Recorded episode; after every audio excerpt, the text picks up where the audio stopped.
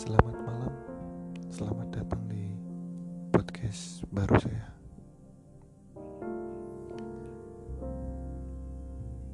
Ini adalah rekaman pertama saya di podcast baru saya di tengah rintik hujan di luar. Hari ini saya buka podcast ini. Nantinya podcast ini akan saya isi dengan keluh kesah saya, cerita pengalaman saya, kehidupan saya, mulai dari keluarga, teman, percintaan, dan semuanya.